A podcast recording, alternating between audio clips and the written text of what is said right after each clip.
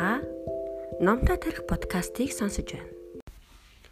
Та охинтой бол заавал уншаараа номын 5 дугаар бүлгийн 2 дугаар хэсгийг хамтдаа уншъя. Охиноо ууж сэтгэлтэй болгон хүмүүжүүлэхээ битгий мартаарай. Ууж сэтгэл бол нэгэн зан чанар төдийгүй бас нэгэн төрлийн мэрэгэн ухаан хүч чадал юм. Ууж байж чаддаг өгөөмөр сэтгэлтэй хүн л өргөн цар хүрээтэй амьдрч чаддаг уужуу байж чаддаг хүн л хүмүүстэй сайхан харилцаатай байдаг. Хэрвээ бид охиндоо үнэхээр л хайртай бол тэднийг уужуу ухаантай болгон хүмүүжүүлэх хэрэгтэй. Уужуу сэтгэлтэй байна гэдэг нь маш үнэтэй сэтгэл юм. Түүний гол чанар нь хүний алдааг уучлахад оршдог. Хүний сэтгэл уужуу байвал альва зүйлийг өргөн өнцгөөс харж илүү амархан амжилтанд хүрдэг байна. Сургамжит түүх Африкийн түүхэнд анхны эмэгтэй ерөнхийлөгч Либерийн Эллен Джонсон Сэрлеф бол уужуу ухаантай эмэгтэй гэгддэг. Тэрээр уужуу сэтгэлтэй байж чадсанараа эцэст нь нэгэн улсын агуу удирдагч болж чадсан юм. 1997 оны 100 60 гаруй насны нэгэн хар эмэгтэй олныг дагуулan Либерээс гивинэ чиглэсэн замаар яарвчлан явв. Тэр эмэгтэй бол Эллен Джонсон Сэрлеф. Түүний урдхан талд нь 4 5 айл байв. Харин тэдний хоёр нь Эллен Джонсон сэрлэв хизээч мартахгүй гэр бүл байлаа. Нэг гэр бүлийн хүүхэд нь урд нь түүний хамгаалагч байсан Вейса. Харин нөгөө гэр бүлийн хүүхэд нь урд нь түүнийг чимээгүй алхаар санаархаж байсан Ай сай гэдэг. 13 жилийн өмнө Эллен Джонсон сэрлэв хамгаалагч Вейсаг давуулан замдаа явх үед Вейса түнд өөрийнх нь төрлөх нутагт ирлээ гэж хэлв. Вэйсэн миний эцэг их маш баяртайгаар хүлээж э, авах болно гэж хэлээд тэд энэ тосгоноор дайрахаар болов. Гэтэл тосгон дөхөх үед чихний хажуугаар буун дус сонсогдов. Сум Эллен Джонсон сэрлэвхийг чиглэж байв. Бэлтгэл сайтай Вэйса хамгаалагч маш түргэн түүнийг түлхэн унгааж амийг нь аврав. Харин Вэйса тэр дороо амиа алдав. Сүүлд нь бууддаг хүн Вэйсан хурш Аасай гэдэг залуу байсныг олж мэдлээ. 13 жилийн өмнөх энэ хэргийг сансан Эллен Джонсон Сэрлефийн сэтгэл нь өвдөв.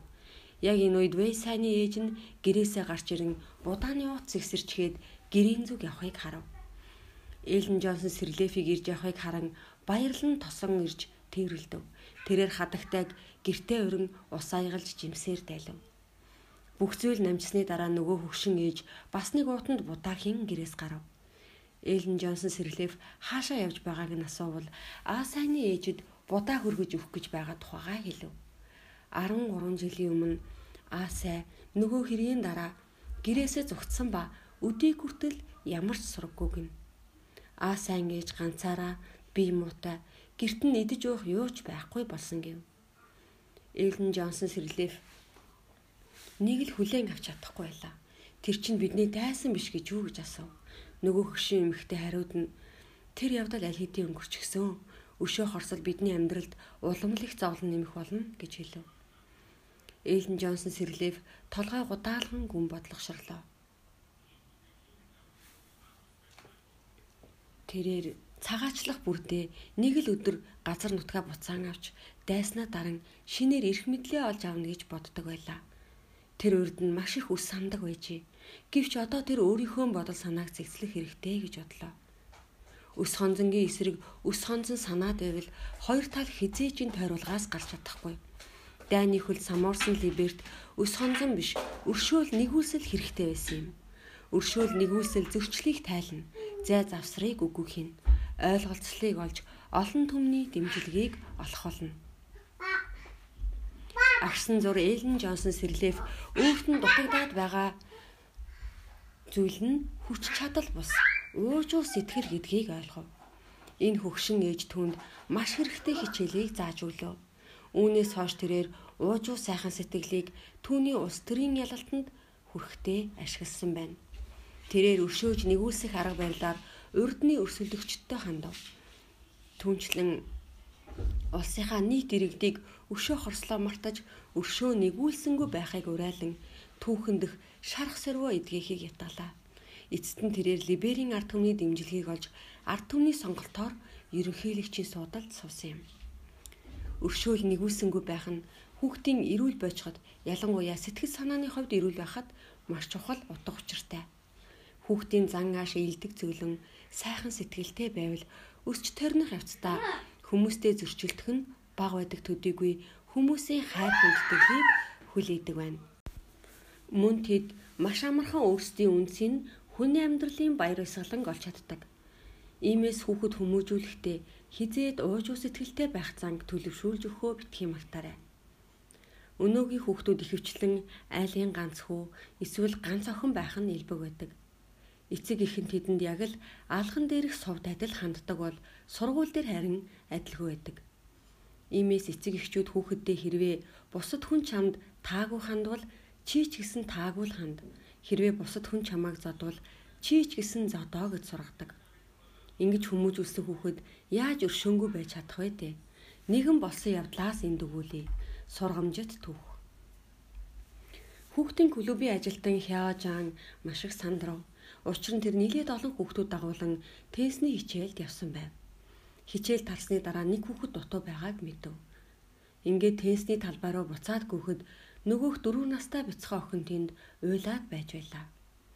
Хяажан өршөөл хүсэн охиныг чадлаараа тайтгаруулах гэж оролдов. Маш их айц очирдсан охин ихэр татан уйлж байлаа. Хяажан охиныг тэрэн аргадахын хажуугаар энэ удаад яг аав ээжт нь загнуулнаа гэж бодлоо. Охины ээж ирэхэд охин шууд л ээжийнхээ үрт очив. Охиноо уйлж байгааг харсан ээжийн сэтгэл бас л их өвдөв. Ээж нь охиныхоо нурууг хөнхөн алгадан охиноо тайтгаруулж байлаа. Мөн охиндоо ухамсартайгаар одоо ямар ч айх аюулгүй гэж хэлж байв. Тэгээд энэ их чинь чамайг олохгүй маш их айд сандарсан байгаа штэ. Миний охин очоод энэ их чигээ үнсээ тайвшруулчих гэв. Нөгөө дөрөв настай охин ээжийнхээ үгийг сонсоод аачмдаа уйлахаа болов. Тэгээд Хяо Жанг дээр гүйж очоод түүний хацар дээр үнсв. Мөн аяархан түүний чихэнд битгий агаарай би одоо зүгээрээ гэв. Хяо Жан тэр үед яг уйлах шахав. Ийм л хүмүүжил хүүхдийг уулжуу сэтгэлтэй, хүнд халамжтай хүүхдийг бий болгож шатна. Иймээс бид хорглоо тоосноор өөрийгөө хүндлэх үзлээ ил гаргаж байна гэж бодсны хэрэггүй. Хэдий ч нэ их үйл бүтээсэн хүн байна, төдий ч нэ уужуу сэтгэлийн хүчийг мэдэрч байдаг. Хэрвээ бид огтоо өндөрлөгт хүргье гэж бодчил байвал тэднийг өршөө нэгүүлсэнгүй уужуу сэтгэлтэй болгон хүмүүжүүлэх хэрэгтэй. Илүү тодорхой хэлбэл эцэг эхчүүд мань дараах чиглэлээр ажиллах хэрэгтэй. Нэгдүгээрт эцэг их нь хүүхдийнхээ үлгэр жишээ бол. Ер нь эцэг их нь ямар байна хүүхэд яг л тийм байдаг. Хэрвээ эцэг их нь уужуу биш бол хүүхдүүд нь яаж тийм байж чадах вэ? Иймээс эцэг эхчүүд өөрсдөө үлгэр дуурайлал болоорой. Хоёрдугаард хүүхдээ бусдын оронд өөрийгөө тавьж сурга.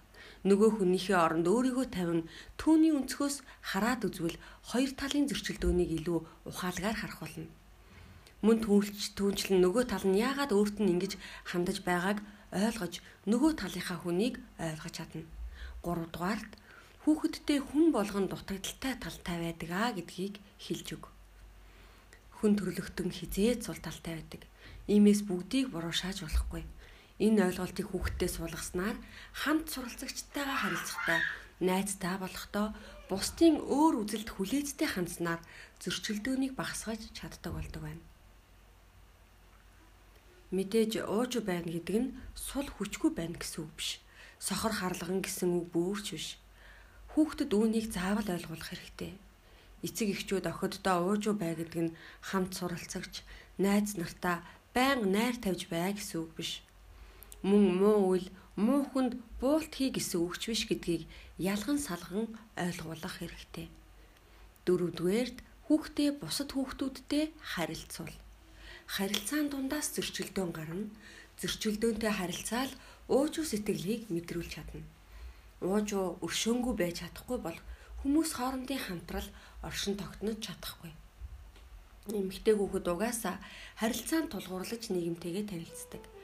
Хэрвээ хүүхдээ нийгмийн бүлэгт оруулахыг хүсвэл түүнийг хамтрагчтай нахиухан харилцуул. Ингэснээр тэд аяндаа ойлголцоод ирнэ. Хүүхдийнхээ нүдийг нээж олон найзтай олгож дэлхийдээ сайн танилцуулах нь хүүхдийн хүмүүжилд үнэхээр сайн талтай. Харилцаж буй талбар нь уудан байх тусмаа зүрх сэтгэл нь бас уудан болж байдаг.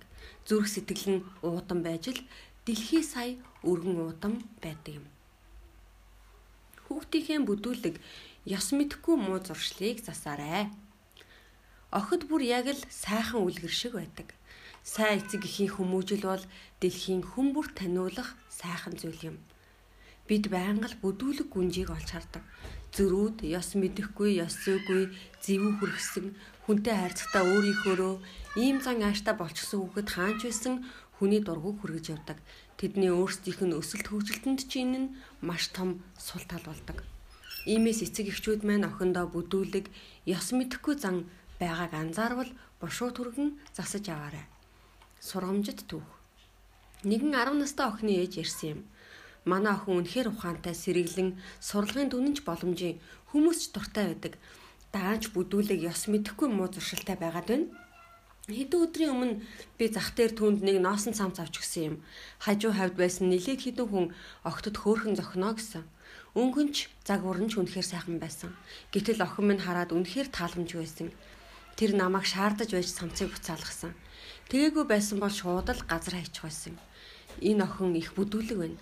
Ээжийнхээ авсан зүйлд дургу байх нь муу хэрэг биш. Харин энэ охин хэтэрхий өөрийн дураар байна. Дургу байлаа гэд хаях шаардлага байхгүй. Хүүхдийнхээ бүдүүлийг яс мэдхгүй зантай ерөөсөө ууж уу өршөөнгөө хандаж болохгүй. Эс бөгөөс эцэг эхчүүд маань хүүхдийнхээ энэ занг улам нэмэгдэхэд нөлөөлөх болно. Ялангуяа охтын хувьд удаан хугацаанд зөрүүд байх нь хүмүүстэй харилцах чадварыг нь үгүй хийдэг. Өөрийгөө чухал байр суурин тавьж хүмүүстэй сайхан харилцаа бий болгоход муугаар нөлөөлөө зогсохгүй. Хүүхэд өөрөө яагаад хүнд гадуурхагдаад байдгийг ойлгохгүйгээс сэтгэлд нь толб сууж хүүхдийн эрүүл саруу сэтгэл зүйтэй өсөж төрнөхт нь саад болдог байна. Гэвч хүүхэд төрөлхийн бүдүүлэг ёс мэддэггүй биш. Ийм араншин гарч ирэхэд ихэнх тохиолдолд эцэг их нь нөлөөлсөн байдаг. Тимээс эцэг их нь эхлээд өөрсдөөсөө учир шалтгааныг нь хайхан зүйтэй. Бид хүүхдээ үгэнд орохгүй үед нь ойролж цаг нь хаа болох уу үгүй юу хүүхдүүд бидэнтэй маргалдах үед тэцэрдлээ уурлаад байна уу үгүй юу хүүхдэд юу хэрэгтэй юу тохиромжтой байгааг тэдэнд юуг яаралтай ойлгуулах хэрэгтэй байна гэдэг талаар бодож байна уу үгүй юу? Хэрвээ эцэг их ийм байдаг бол бидэнд хүүхдээ буруутгах хэрэг байхгүй. Бид л хүүхдээ алхам алхмаар тэр зам руу оруулсан юм. Эцэг эхчүүд хүүхдэд хатуу хандах нь тэднийг маш бүдүүлэг харгас болгодог. Хэрвээ хүүхдэд хитрхийн найр тавьж хандваас мөн зөрүүд болдог. Иймээс эсэг эхчүүд маань охиноо ухаантай хайрлаж сурах хэрэгтэй. Хүүхдийнхөө өнцгөөс харж байж л тэдний зовлон жаргалыг ойлгож чадна. Хүүхдтэй хангалттай халуун дотн сэтгэл халамж өгөх хэрэгтэй. Гэвч хитрхийг хайрлаж болохгүй. Хэрвээ эцэг их өөрсдөө бүдүүлэг ёс мэдэхгүй байвал хүүхдэд хүмүүжүүлэх замд нь өөртөө анхааруулах байз зүөх хэрэгтэй. Зарим хүүхдүүд аль хэдийн ёс мэдэхгүй буруу хандлагатай болсон байдаг. Тэгвэл яаж энэ муухай занг засах вэ? Нэгдүгээрт хүүхдийнхээ зүү ёсны бус хүсэлд бүү найр тавиарай. Хүүхэд эцэг эхийн хооронд яг л хөөцөлдөж тоглодог тоглоом шиг нэгэн төрлийн тоглоом оршдог. Эцэг эхчүүд төрүүлээд цаа татвар үсгдэг. Буруу зүйл дээр байн хүүхдтэй найр тавьж байснаас хүүхдүүд нь бүдүүлэг, ёс мэдэхгүй болж хувирдаг. Иймээс тэднийг өөрчлөх хэрэгтэй. Эхний ээлжинд буруу зүйл дээр дахиж битгий найр тавь. Найр тавих энэ замыг бүр орон мөргүй устдаг. Мэдээж анх эхэлж байхад хүүхэд их л ширүүн ааш гаргана. Энэ бол тэдний нэг арга барил. Тэдний иргэшээд орохгүй бол тэд аяндаа л энэ сайн аргаа хаях болно. Иймээс тэднийг ойлгох хэрэггүй. Хатуухан шийдээ тэднийг тайвширсны дараа дахин түүнд шалтгааныг нь хэлж өгөөрэй. Өөрийнхөө зарчимд тууштай байхыг хатуусна.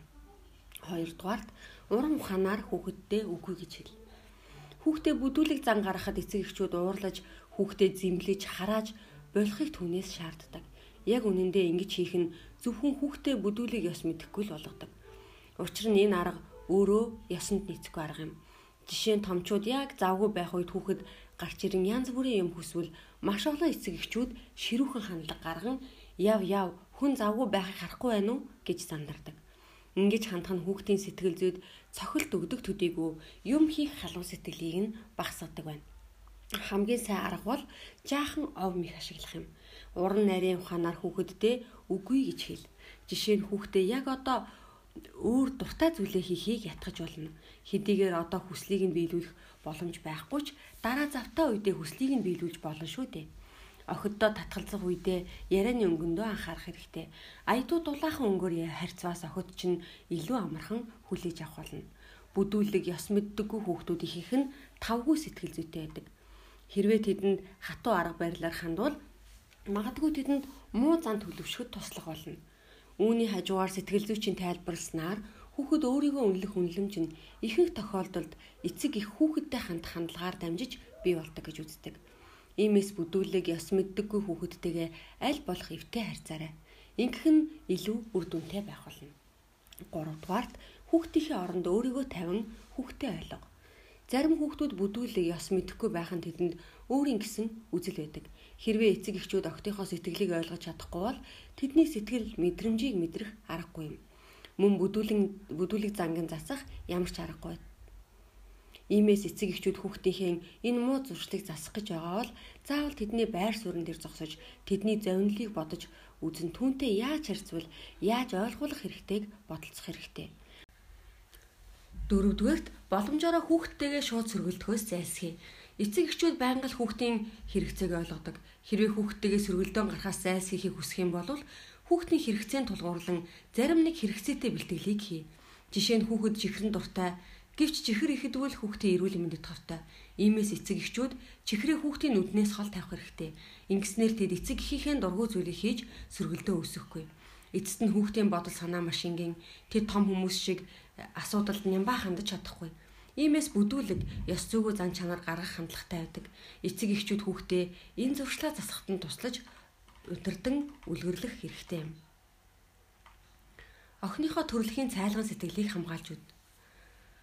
Охин хүүхэд хүмүүжүүлнэ гэдэг боломж болцооныхоо хэрээр охтынхоо төрөлхийн гоо сайхныг гаргаж ирэхийг хэлнэ. Харин цайлган зам бол хамгийн сайхан ёс суртахуун. Охтод анханасаа л энэ сайхан зан чанар байдаг. Гисэн хэдий ч эцэг ихээр удирдуулж хамгаалуулах хэрэгтэй юм. Хүүхэддээ дэлхийд цайлган цагаан сэтгэл хэрэгтэй гэдгийг хэлж өг. Цайлган цагаан сэтгэлтэй хүнийг хүмүүс дуртай хүлээн авдаг. Хүндэлдэг учраас тэднийг төрөлхийн гоо сайхан харагдуулдаг байна охид төрөлхийн л цагаан цайлган сайхан сэтгэлтэй. Энэ нь бүр нэлэх байхаас нь л харагддаг. Охид байнга л хүнд туслахыг боддог. Өөрийнхөө юмыг бусадтай дуртаяа хуваалцдаг. Хин нэгэн хүнд хэцүү байхыг хараад сэтгэл нь өвддөг. Энэ бол бүгд л цайлган зангийн илрэл юм. Им гормон бол энэ үр дүнг бий болгодог хүчин зүйл. Окситоцин харин хүүхдийг илүү өрөвдөх сэтгэлтэй болгодог. Энэ бол эмэгтэй хүний төрөлхийн чадвар. Харин эдгээр хүчин зүйлүүд нь охтын төрөлхийн цайлган занг бий болгодог. Эцэг эхийн хувьд охиныхоо энэ төрлөх занг илүү хурцлж өгөх хэрэгтэй. Сургамжит түүх. Нэгэн жижиг худалдааны дэлгүүрт Ж-рэнг гэх хосууд худалдаа хийж байв. Тэдний хажууд хоёр өхөөрдөн охин байна. Нэг нь ойролцоогоор 4 настай, нөгөө нь 8 настай. Тэд сайхан тоглож байлаа. Энэ үед гинт дэлгүүрт нэгэн хэрэг боллоо нэгэн хөгшин үйлчлүүлэгч худалдагчийн авчирсан хадаас бодог цаасан уутыг авсангүй. Хадаас шалаарныг тарж унав. Хоёр хүүхэд маш их айв. Жирийн хадагтай том охиндоо хандан хонгор минь бүгдээрээ түн туслая гэв. Тэгээд доош тонгоо хадааснуудыг цуглуулж эхлэв.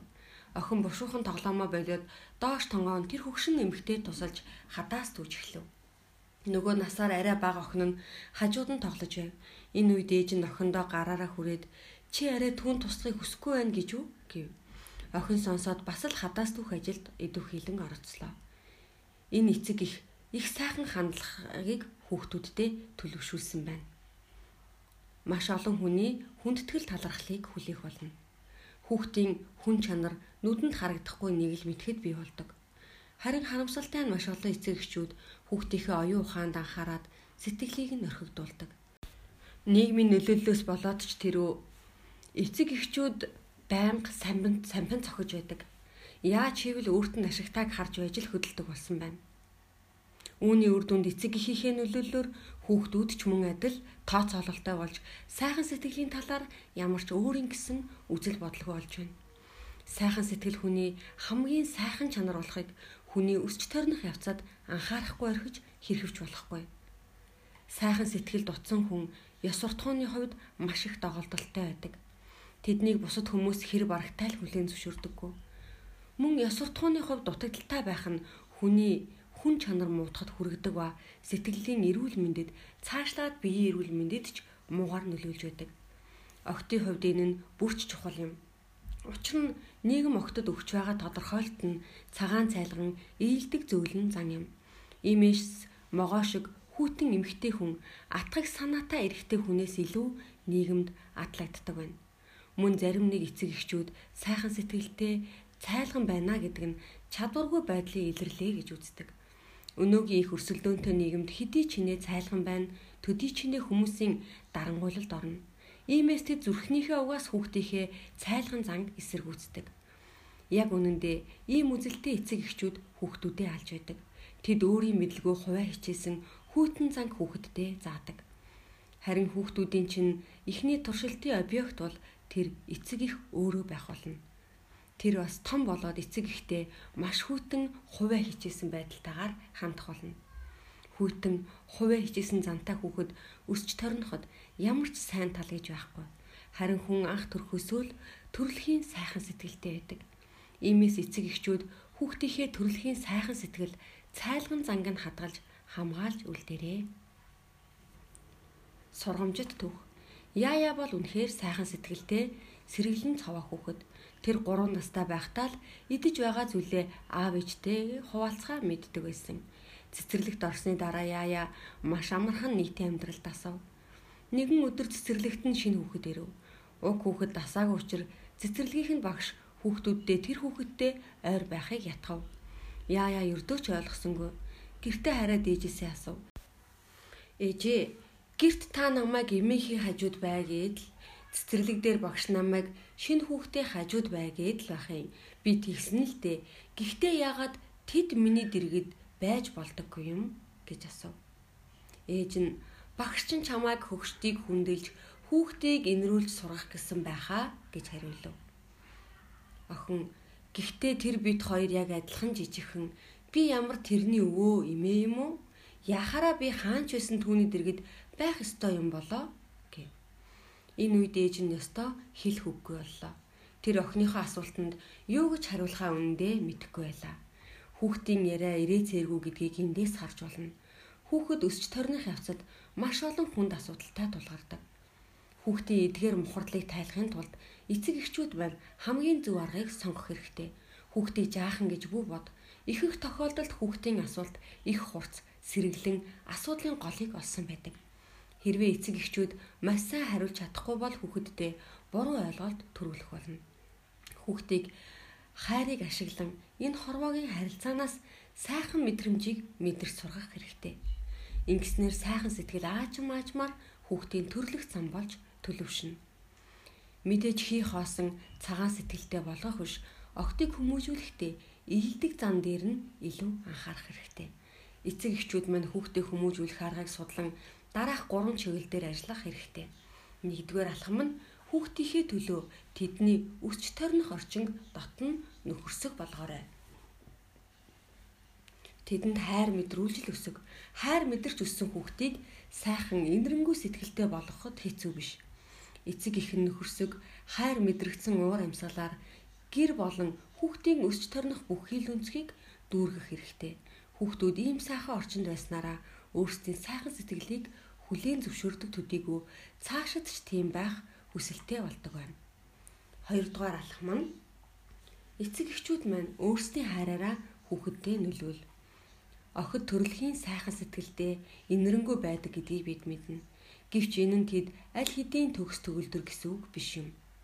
Тэд бас л эцэг эхийнхээ тусламж хамгааллыг хүртэж байж энэ сайхан чанараа үйл хөдлөлдөө оруулж чаддаг. Эцэг эхчүүд маань үргэлж өөрсдийнхөө үг яриа үйл хөдлөлд анхаарч явах хэрэгтэй. Учир нь тэд цаг минут тутамд бидний өөр хүнд тусалж байгаа үйл хөдлөлийг анзаарч байдаг төдийгүй биднийг дуурайж байдаг. Эцэг эхчүүд баг юмн дээрч анзаарахтай байж маш мэдрэмжтэйгээр хүүхдийнхээ хайрлаж инэрх сэтгэлийг нь удирдах хэрэгтэй. 3 дугаар алхам нь хүүхэддээ хэрхэн яаж сайхан сэтгэлтэй цайлган зантаа болох болон яагаад ийм хүнд хүмүүс дуртай байдгийг тайлбарлаж ойлгуул. Мэдээж хүүхэддээ цайлган зангийн утгыг ойлгуулахдаа битгий энгийнээр тайлбарл. Банк тэгэх нь ямар ч үр дүнгүй байдаг. Харин аятайхан боломжийн янз бүрийн амьдралын нарийн ширийн асуудалтай холбон зааж ойлгуулах нь үр дүнтэй. Эцэг эхчүүд зарим нэг онцгой байдалд тохиромжтой цаг хугацааг алдахгүй ашиглан хүүхдүүддээ энгийн амархнаар хүмүүс сайхан сэтгэлтэй ийдэг занд маш их дуртай байдаг гэдгийг ойлгуулах хэрэгтэй.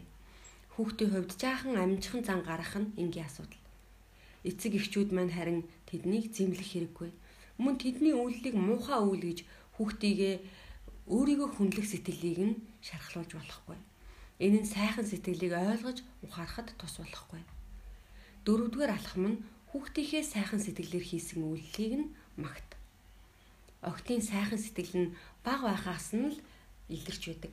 Хүүхэд ямар нэгэн зүйл хийгээд түүнийг нь бусад хүн хүлээн зөвшөөрч магтваас уг үйлдэлдээ маш гүн гүнзгий сэтгэгдэлтэй болдог. Үүнийгээ үргэлжлүүлэн хийх хүсэлч мөн төрдөг байна. Иймээс ээж аавд маань хүүхдийнхээ сайхан сэтгэл цайлган занг магтаж тэднийг үргэлжлүүлэн сайхан сэтгэлтэй байхыг хүсэж байгаагаа мөн тэднийг өөрөө санаачлагаараа сэтгэл гаргаж бусдад ээлдэг зөөлөн байхыг нь харахыг хүсэж байгаагаа ч мөн ойлгуулах хэрэгтэй. Сайхан сэтгэлтэй инэрэнгүй байх нь эд өсч хөгжиж буй охтын амьдралд хүмүүжлийн чухал суурь болдог байна. Сайхан сэтгэлтэй инэрэнгүй болсноор охид энэ дэлхийд өөрийн гэсэн хувь нэмрээ оруулдаг. Мөн энэ бүхнээр бусдын талархлыг хүлээдэг учраас өөрийн үнцнийг мэдэрч сэтгэл ханамж авдаг. Энэ нь охтыг илүү ихээр өөрийнхөө зан суртахууныг сайжруулах хүсэл төрүүлдэг ба эцэст нь чадварлаг нэгэн болж төлөвшөхөд маш их тустай юм. Охиноо хий хоос нэр алдарт дурлагч бүү болгоорой. Эцэг эхийн хий хоос нэр алдарт дурлах нь хүүхдийн хий хоос нэр алдарт дурлагтай харьцуулахад илүү аимшигтай батгах байдаг төдийгүй хүүхдэд нөлөөлөх нөлөөл нь туйлын өндөр байдаг байна. Иймээс хүүхдээ хий хоосон нэр алдрын хойноос гүйж болохгүй тулд эцэг эхчүүд өөрсдөө эхлээд тэр зангаа хаях хэрэгтэй. Хүүхэд хүмүүжүүлнэ гэдэг бол огтоо үнэн бодтой үзэл санаагаар чиглүүлж тэдэнд эрүүл өсч торних орчин бий болгож сайхан гэр бүлийг бий болгож өгөхийг хэлнэ. Охин өсөж томорно, томрох тусмаа улмал хөөхөн болж байдаг. Хэдий чинээ хувирн төдий чинээ сайхан болно гэж. Энэ бол огтод охтыг магтаж буй нэг магтаалын хэлбэр. Гэвч эцэг эхчүүд маань сайн анхаарах хэрэгтэй охид том болох тусмаа илүү өөртөө ихтэй болдог. Хэрвээ буруу чиглүүлбэл маш амархан хий хоосон нэр алдарт дурламтгай болно. Хаач явсан өөрийнхөө давуу талыг тодтогч эсвэл царай зүс би хагаа хүнтэй харьцуулж явдаг.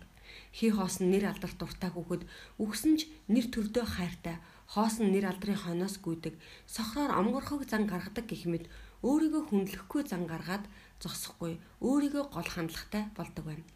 Учир нь өөрийнхөө чадварт бүрэн итгэдэггүй. Зөвхөн гадны зүйл ашиглан өөрийгөө тов ойлгодог хүн болно. Сургамжит түүх. Рун рун дунд сургуулийн сурагч. Тэдний ангийн нэлээд олон сурагчийн ар гэрийн байдал боломжийн байдаг. Хизэнээс ч хэлснийг мэдэхгүй ч рун рун брендийн бараанд дуртай болчихсон. Брендийн юпг фирмийн гутал шаардна. Хэдийгээр тэдний амьдрал боломжийн ч түүний энэ үйлдэлийг гэрийнхэн эсэргүүцэхэд хүргэв. Харин рүүрэн өчүүхэн төдий ч гимшихгүй бүр төрсөн өдрөөрөө ангийнхныгаа урьж гэрэлт самхагт үдшилэг хийхийг шаардлаа.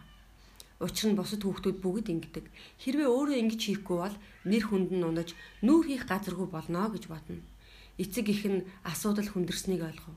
Охиныхоо энэ муу зуршлыг засахаар шийдэв. Гэвч хэрхэн засахаа мэдэхгүй байлаа. Энэ хүүхэд хий хоосон нэр алдарт дуртай нь илт байна.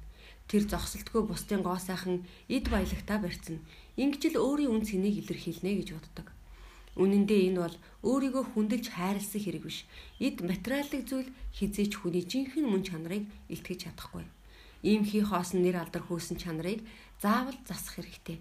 Энэ асуудлыг зас залруулахын өмнө эцэг эхчүүд маань асуудлын уг үндэс нь хаана байгааг нэ илрүүлэх нь зүйтэй. Тэгж байж л хүүхэд чинь яагаад ийм байгааг ойлгох болно. Ерөнхийдөө хүүхэд хоос нэр алдарч унаж барьцамтгаа бусдад атаархуу болох нь дараах хоёр шалтгаантай байдаг. Нэгдүгээрт эцэг эхийн хүмүүжил орчин үед ихэнх айл нэг юм уу хоёр хүүхэдтэй болсон. Эдийн засгийн чадварч дээшилсэн. Хүүхдээ яг л тэнгэрийн одомт үзэж хамгийн сайхан тоглоомоор тоглуулж хамгийн сайхан хувцсыг өмсгөж хүүхдүүддээ хамгийн сайхныг л илүүлэх гэж хичээдэг болсон. Ялангуяа зарим эцэг эхчүүд охиддоо гойж гоодох тал дээр нь их анхаардаг. Бусдын идэж байгаа, өмсөж байгаа, зүүж байгаатай барьцдаг. Ингэснээр октоо зохисгүй хоосон нэр алдар дурлагч эдэн чунагч болгон хүмүүжүүлдэг байна. Зарим эцэг эхчүүд өөрсдөө нэр алдрын хойноос хөөцөлдөгчд байдаг. Өөрийн эдийн засгийн чадварыг үзүүлэхийн тулд өөрийнхөө хүүхдийг бусдаас дор харагдуулахгүй тулд эцэг их нь хүүхдийнхээ эцэг ихийн хуралд очих гээд л 2 цаг гойж гооддог, бүр гоо сайхан дордог. Эцэг ихийн хурал үрийн хурал болж өрхдөг. Мөн зарим эцэг эхчүүд хүүхдээ хитрхи хайрладаг. Тэдний нүдэнд өөрсдийнх нь хүүхэд хамгийн шилдэг, хамгийн сайхан байдаг учраас тэд хүүхдээ хит их магтан сайшааж бусдыг буруутган муулж өсгдөг. Энэ нь хүүхдээ хоосон нэр алдарт дурлахад хүрэгдэг байна. Сургамжит төв. Нэгэн телевизийн нэвтрүүлэгт нэг хөөрдөн охин гол дүр болов. Хөтлөгч охины сурагчийн хувийн эргийг авч маш баяр баясгалантайгаар багшийн түүнд өгсөн дүгнэлтийг нь уншиж өгөв. Багш нь түүнд өгсөн дүгнэлт их өндөр байлаа. Түүний зан чанарын дүгнэлтийг унших тутам охины сэтгэл хөдөлж хөтлөгчийн яриаг таслан би ангийн дарга болсон. Би хүүхдүүдийн даалгаврыг шалгадаг гэв. Хөтлөгч охины ярихыг сонсоод аа үнэхээр мундаг. Чи үнэхээр ангидаа хамгийн мундаг юм а гэв. Би багшаас арай муу л да гэж охин хариуллаа. Гэрийнх нь бүгдээрээ тойрч суугаад бяцхан гүнжигээ магтаж эхэлнэ. Энэ магтаал бүхэл томчуудад хэвээ үзэгдэл. Гэвч нарийн ажил бол хэрээс хэтэрсэн магтаал сайшаална хүүхдийг нэр алдар хөөцөлдөгч болгодог байна. Энэ охин аль хэдийн хоосон нэр алдарт дуртай болчихсон байна. Яагаад вэ? Энэ охины хөтлөгчтэй ярилцаж буй яриан дундаас охины өөртөө итгэж өөрөөрөө бахархсан аяс тодорч байна. Энэ нь түүний ирээдүйд хүмүүс санаа зовхгүй байж болохгүй байна. Германы философч Шофенхауерийн хэлснээр хоосон нэр алдар хөөцөлдөх нь хүнийг олон үгтэй болгодог бол өөрийгөө хүнлэх сэтгэл нь хүнийг цөө үгтэй болгодог оо гэж хэлсэн юм. Америкийн хүмүүжүүлэгч мэрэгжилтэн Diamond профессорын хэлснээр жинхнээсээ хүний өөрийгөө хүнлэх сэтгэлийг төлөвшүүлэх гэвэл түүгээр нилээд хүнд ажлыг хийлэг. Харин юу ч хийгээгүй байхад хит их хоосон магтад сайшаах бол сайн арга биш гэжээ. Хоосон магтаад байвал тэд бусдад атаархамтгай болоо зогсохгүй хүйтэн сэтгэлгүй зан аршинтай болдог. Иймээс хэрвээ хүүхэд үргэлжил эцэг эхийнхээ магтаа сайшаалыг хүсээд байвал эцэг эхчүүд маань анхаарлаа өндөрсгөх хэрэгтэй болжээ. Энгийн үед хүүхэд хүмүүжүүлэхдээ эцэг эх нь хүүхдээ хитрхи их хэрээс хитэрсэн магтаал сайшаалаар бөмбөгдөх нь тэдний зан аран шин ирээдүйд сөргөөр нөлөөлдөг. Хоёрдугаард Хүүхэд өөрийгөө таних чадвар сул байдаг. Өөрийгөө бодтойгоор үнэлж чаддаггүй. Цэцэрлэгийн насанд хүүхдүүд бүгд л өөрсдийгөө өндрөөр үнэлдэг. Өөрийнхөө бүхий л зүйлсийг бусдаас илүү гэж үздэг. Энэ бол хүүхэд өөрийгөө таньж мэдэх явцад байн гарч ирдэг үзэгдэл. Хэрвээ эцэг их нь бушуухан үнийг нь засаж өгөхгүй бол энэ зан нь тогтчихдог. Байнга л өөрийгөө гэж өөрөө амьдралын гол цүн байх гэдэл зоригтой хүрэхийн тулд юу ч ис хаахарсан байх нь аажимдаа хоосон нэр төрхөөсөн болж хувиргадаг. Өнөөгийн нийгмийг харахад ам ангайвал өмсөж зүөх, яриа эхэлбэл өөрийн стил имижээ ярьж, цэцэг ухаар шиг хувцлаж, хүнд ойлгогдох, ойлгогдохгүй үг хэллэгээр ярьдаг тэдгээр октын дотоод сэтгэлийг аваад үзвэл тэдэнд ямар ч онцгой хилээд яриад байх зүйл байдаггүй байна. Тэд яг л би мод хөөгч гэж сурчилж буй мэд. Тэдний үйл хөдлөлд зөвхөн хий хоосон дурлах чанар шүүлсэн төдийгүй зарим нэг мэдээллийн хэрэгслүүд тэдний зорилгыг нь биелүүлэх талбар болдог байна. Эдгээр нь хүүхдүүдэд өдрөөр зүү зүүдлүүлээд зогсохгүй хүүхдүүдийг хий хоосон нэр алдар дуртай болгодог байна. Ялангуяа охтыг. Үнэн дээр юу ч хийхгүй хоосон шунсан хүний бүхий л хүсэл нь хоосон нэр алдраас хэтэрдэггүй. Эдгээр хоосон зүйлс зүрхнийх нь гүнд маш хүчтэй дур хүсэл болдог. Энэхүү хүслийнхээ хойноос жинхэнэ утгаар нь хөдөлмөрлөж тэмцэхгүй бол жинхэнэ утгаараа биелэгдэх боломжгүй юм. Иймээс эцэг эхчүүд хүүхдийнхээ хоосон алдарч чунах сэтгэлийг нь зогсоохгүй аваас тэд амархан нэр алдарт хүрэх гэж эцэст нь өөрсдийгөө хохирох болно. Английн философч Баконы нэгэн үг бий. Хоосон нэрэн дурлагч юм мэддэг хүнд дорд харагддаг. Мунхаг хүнд бишрэгддэг. Бялдууч хүнд бахархагддаг эцсийн дүнд хоосон нэр алдарт боолчлогддог. Иймээс бид хүүхдээ хоосон нэр алдарт дурлаад ирснийг мэдмэгцээ заавал таслан зогсоох хэрэгтэй. Үүнийг дэлгэрэнгүй тайлбарлавал дараах аргыг хэрэглээрэй. Нэгдүгээрт эцэг эхчүүд өөрсдийнхөө нэр алдарч унсан занг зас. Хоёрдугаарт хүүхдийг өөрийг нь үнэн бодтоор таниул. 3 дугаарт хүүхэддээ үнэн зөв нэр алдар болон ичхүр гутамшигын талаар ойлголттой болоход тусал. Дөрөвдүгээрт даган үлгэрлэн сурах жишээтэй болгоорой. Эцэг эхчүүд байн хүүхэддээ алдартай хүний түүх, алдартнуудын үг, бодит амьдрал дундаас хувьсгал хийгч өвөг дээдс баатруудыг хүүхдийнхээ үлгэрлэн дуурайх хүн болгон хийн гэвэл хийж, бүтээн гэвэл бүтээдэг хүн болохыг сургаж явах хэрэгтэй байна. Иймээс эцэг эхчүүд маань уул суртаагаар хүүхдээ хүмүүжүүлж амьдралыг нь үз хүслийг нь үнэн зөв эрүүл болгох хэрэгтэй. Энэ бол хүний амьдралын хамгийн том хөрөнгө юм охин хүүхдээ хүмүүжүүлэхдээ цаг хүчээ хизээч битгий харамлаарай. Таны охин хамгийн сайхан ирээдүг бүтээгч болно гэдэгт итгэлтэй байна. За ингээд та охинтой бол заавал уншаараа номын төгсгөлийн подкаст энэ хүрээд өндөрлөж байна. Та энэ хүн номноос охин хүүхдийг хэрхэн элбэг хангалуун хайрын өрчөнд өсгөх вэ гэдэг талаар тодорхой хэмжээний мэдлэг мэдээллийг олж авсан гэдэгт итгэлтэй байна ингээд цаашаа та бүхэндээ бас илүү сонирхолтой номнуудыг цувралаар уншиж өгөх болно. Номтой тарих подкасттай хамт байгаа та бүхэндээ баярлалаа. Баяртай. Та Номтой тарих подкастыг сонсож байна.